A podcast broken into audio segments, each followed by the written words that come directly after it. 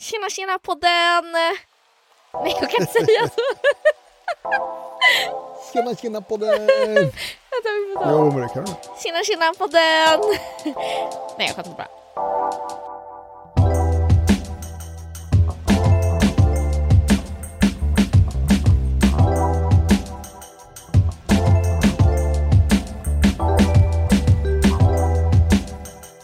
Välkommen till avsnitt fyra av en eh, podd i podden.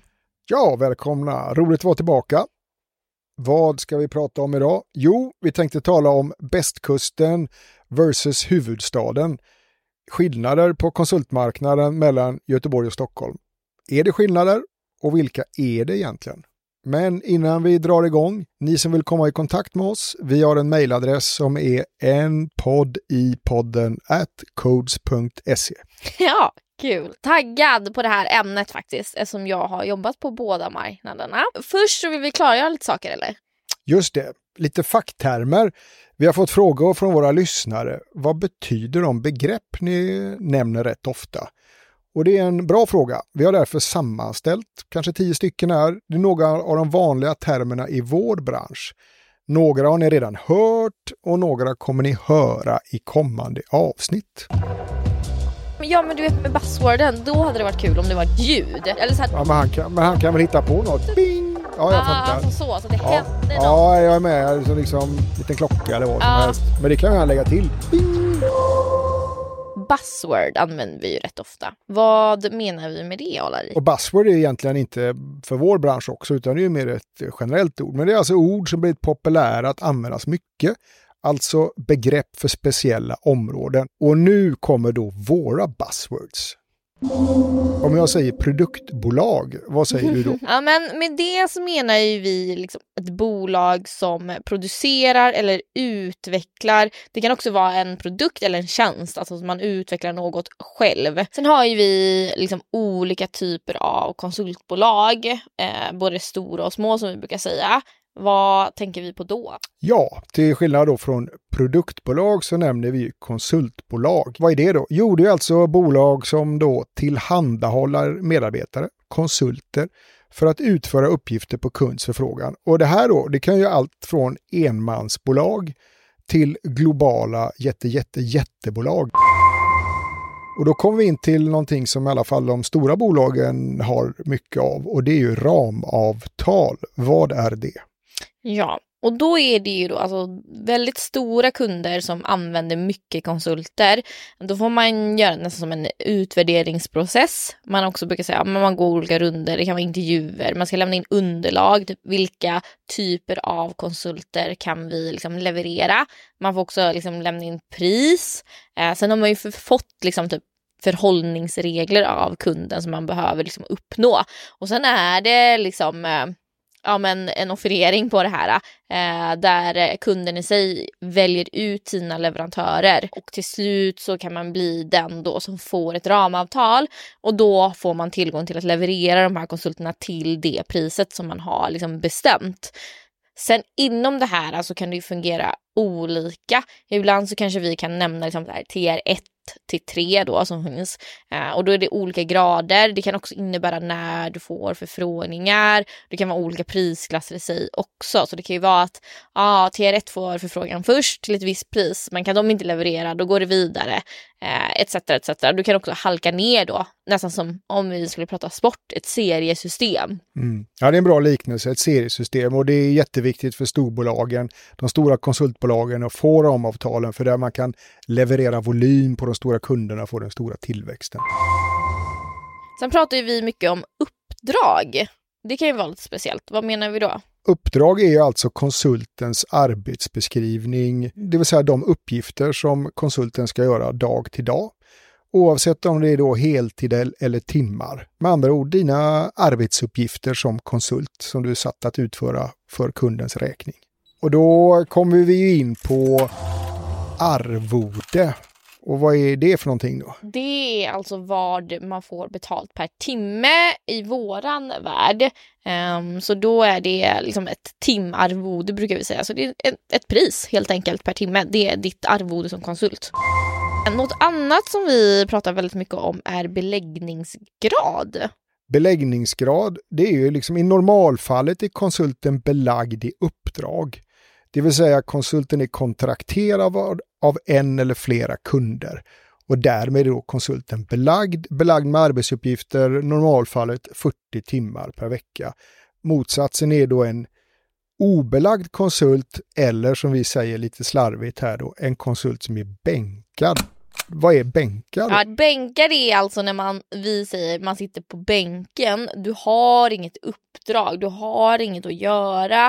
Eh, du har helt enkelt inga liksom, arbetsuppgifter i det som är avtalat att du ska göra i din kompetens. Så du sitter på bänken som man säger då. Också en idrottsterm egentligen. Precis, och det är ju som både i sporten och i konsultvärlden. Bänken, där vill man inte vara. Mm. Man ska ut på banan och spela liksom. Mm.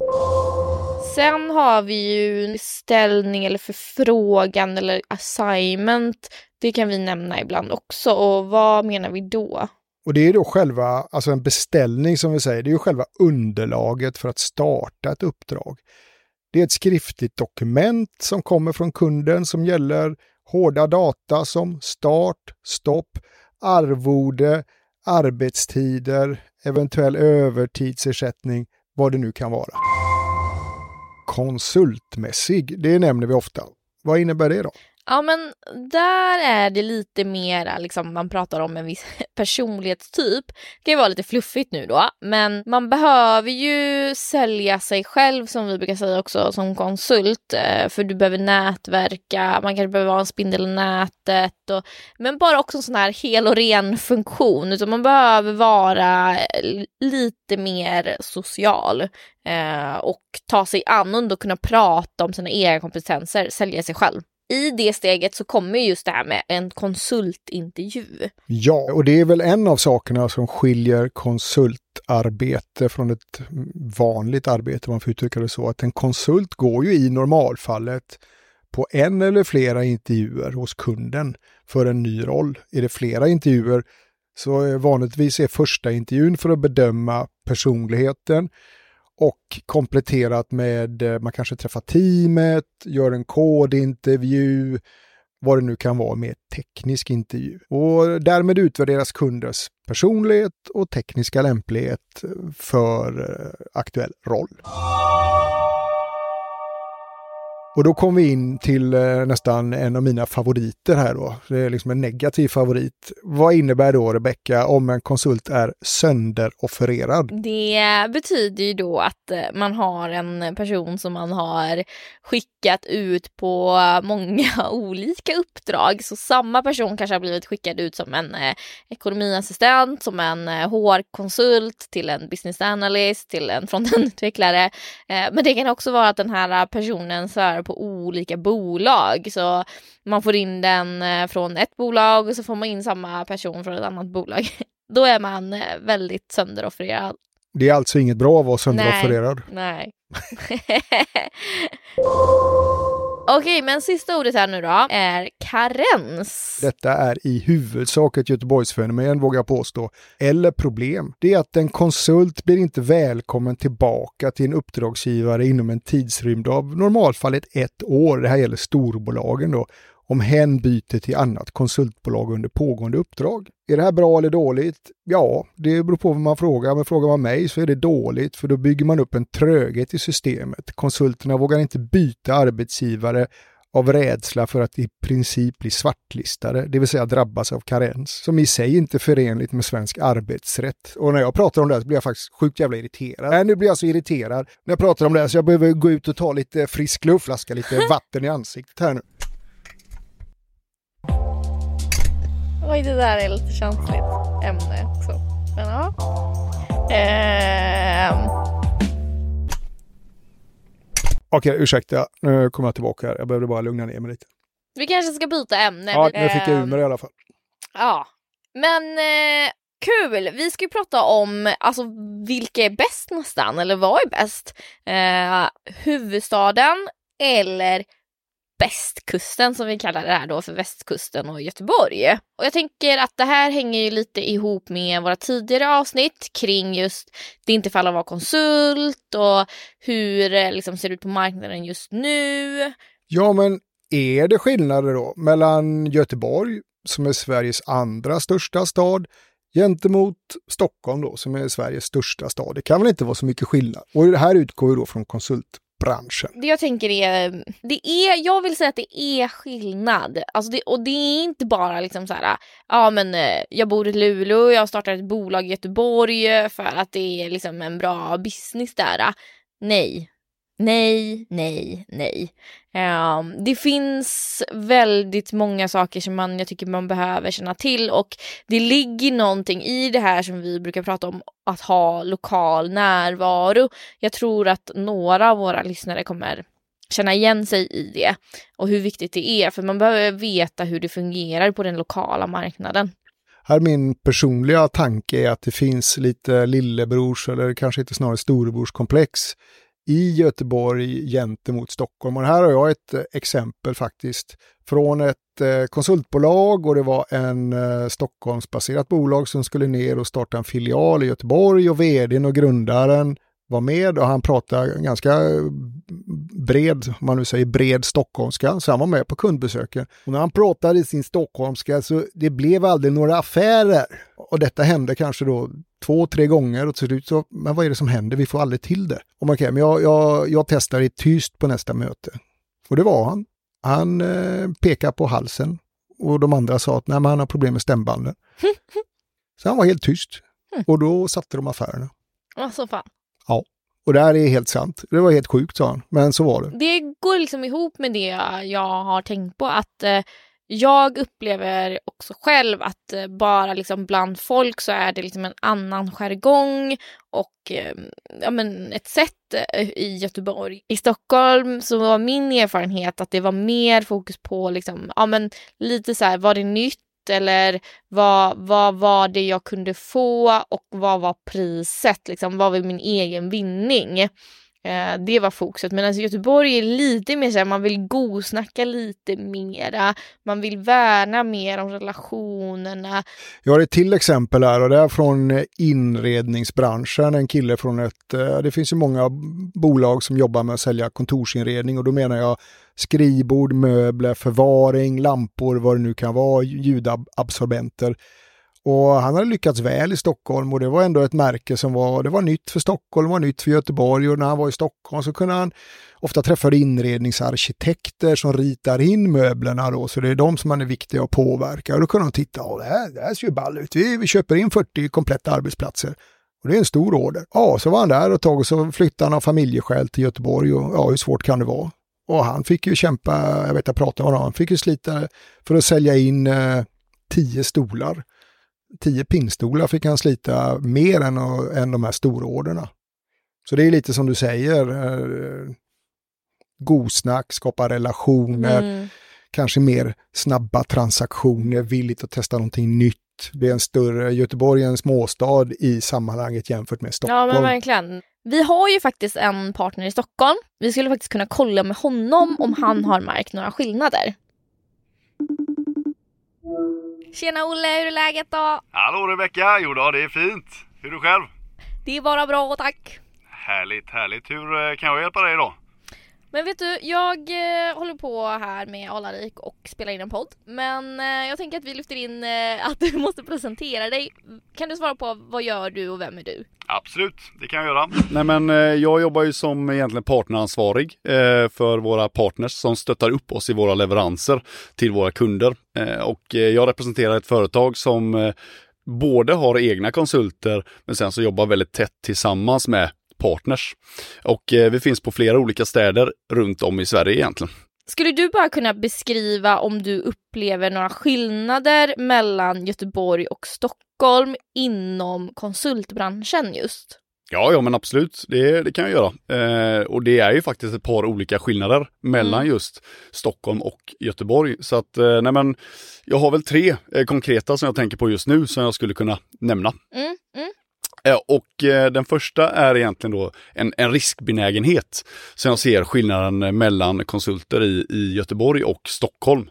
Som, eh, ja men, någonstans där Stockholmskonsulter är lite mer riskbenägna än Göteborgskonsulter. Skulle du säga att det beror på att Stockholm är en större stad eller liksom, och hur menar du med riskbenägen? Ja, men eh, ifall man tittar på Stockholm så är den ju väldigt framåt inom startup, tech, eh, ja, men andra småbolag. Det finns ett väldigt stort utbud av kunder, stora som små, i Stockholm. Mm. Som kan ha skapat en mer benägenhet av att våga chansa eller våga testa olika saker. Eh, mot, ifall man tittar då mot Göteborg så är den, ja men de har ett par stora kunder mm. egentligen. Mm. Eh, och det kan ju göra då att man inte blir lika benägen att chansa. Mm. För om man bränner sina broar så kan det ju vara kört. Ja, smart. Eh, och hade du någon mer där då? Ja men absolut. Eh, jag har även det att relationer styr väldigt mycket i Göteborgsområdet. Mm. Inte så att man inte värnar om sina relationer i Stockholm, eh, det är inte det som jag menar, men, men man har sina kontakter som man nyttjar i Göteborg mm. på ett annat sätt än vad man gör i Stockholm. I Stockholm så kan det ligga eh, till ja, men, att man går på det som gynnar en bäst själv egentligen och, mm. och i sina intressen. Eh, jämte att man då i Göteborg eh, går med sina kontakter, vet att de funkar i längden. Mm. Eh, och man är mer benägen att använda samma mm. relationer och kontakter om och om igen. Ja men det håller jag med om och det är lite bara det här med, jag vet vissa som kanske har varit i Stockholm för första gången. De mm. brukar alltid typ uttrycka hur stressade stockholmarna är. Ja. Att man bara luffar på i sin egen och man bryr sig inte så mycket om sin atmosfär utan bara sin egen sfär typ. Ja men lite så just, ja men det här vill jag utveckla mig inom. Jag ska till alla eh, medel möjliga nå det här målet. Mm. Eh, och då kanske man bortser från just den här mm. eh, gemenskapen eller relationsbyggandet på det sättet. Utan så länge jag får ett uppdrag som jag gillar, Mm. Då kör jag på det. Ja, exakt. Intressant. Ja, nej, men så det, det är den andra punkten då. Ja. Eh, sen så den sista punkten som jag har, det är också priser. Eh, mm. Timpriser ut mot kund. Det ser vi också är en stor skillnad eh, mellan de två olika städerna. Och eh, det kan ju också bero på att det är olika kunder mm. i de olika städerna. Mm. Om vi tittar på Stockholm så har du bank, finans, ja men den typen av sektor mm. som är väldigt tung. Mm. Och sen så tittar vi då nere i, i Göteborg som då återigen är väldigt tung inom automotive, tillverkande industri. Ja, eh, och, och, det kan ju göra då att de här två olika marknaderna har två olika priser mm. som man kan lägga på sina konsultinköp. Men tror du att just det här med prissättningen, ja det är ju olika liksom genrer på kunder. Men tror du också att det kan ha med att göra att liksom, ja, men tillgång efterfrågan eller är det enbart mm. att det är mer tillverkande industri, automotive i Göteborg eller ja? Nej men eh, jag, jag tror att det kan vara så att eh, ifall man också tittar på skillnaden mellan städerna, eh, Göteborg och Stockholm, mm. så har du Göteborg som har varit en tillverkande industri under så lång tid. Vilket har gjort att de kanske har en, en prissättning som, eh, eller de är mer vana med mm. konsultinköp och vet hur de ska hantera det. De har börjat outsourca kanske på ett helt annat sätt och tillväxten i bolaget är väl kanske lite mer stagnerat, mm. om jag får säga så. Ja. Eh, Medan då i Stockholm där vi har då nya techbolag, mm. eh, ja men de startups som växer så otroligt, otroligt ja. snabbt. Då måste du ju tillsätta någon Snabbt. till vilket pris som helst. Ja, mm. Och det kan ju också liksom skjuta upp priserna mm. i höjden. Okej, ja men då, då är det ju faktiskt lite skillnad ändå. Ja men lite grann. Ja, det var det jag ville höra. Ja men eh, tack så mycket men uh, ha det gött då. Ja, det gött. Hej. Hej.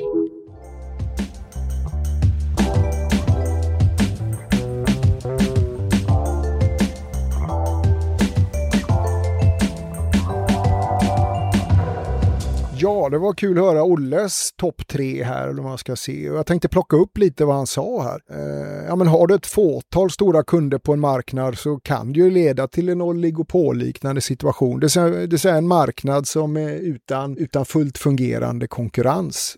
Så har det varit här i Göteborg, framförallt tidigare. Och det är väl som jag tycker en bra sak med corona, om man nu får säga att det, något, det har fört något bra med sig, corona-eländet det är att eh, konsultmarknaden, om vi tittar här i Göteborg, har blivit mer öppen. Man kan hitta kandidater och vi kan hitta kunder, framförallt kunder på andra orter och leverera hybridmässigt och remotemässigt. Eh, det tycker jag har varit väldigt bra. Och det hjälper till att kanske öppna upp den här marknaden och få en eh, mindre oligopolliknande situation. Vi har ju haft eh, lite kollegor i branschen då som har varit på oss typ, ja men hur svårt kan det vara liksom, också i en högkonjunktur kanske också bara, men hur svårt kan det vara att växa, få in folk och så. Eh, och då blir det lite så här, ja men eh, upp till bevis.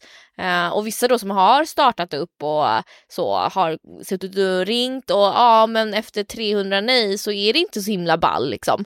Uh, utan då kanske man sitter där och bara oj då okej okay, det här var svårare än vad jag trodde och det blir ju oftast resultatet. Så uh, det är väl lite det jag ville komma fram till som Olle också belyste att jag tycker att i Göteborg så använder man sina relationer på ett annat sätt och man håller dem, liksom, man värnar om dem på ett kärleksfullt sätt. I Stockholm är det lite mera handel på ett annat sätt. Mm. Ja, och det var väl ungefär det vi tänkte berätta idag. Ja. Ja. Så uh, kul att ni uh, lyssnade. Ja, och på återhörande nästa gång. Hej då. Hej.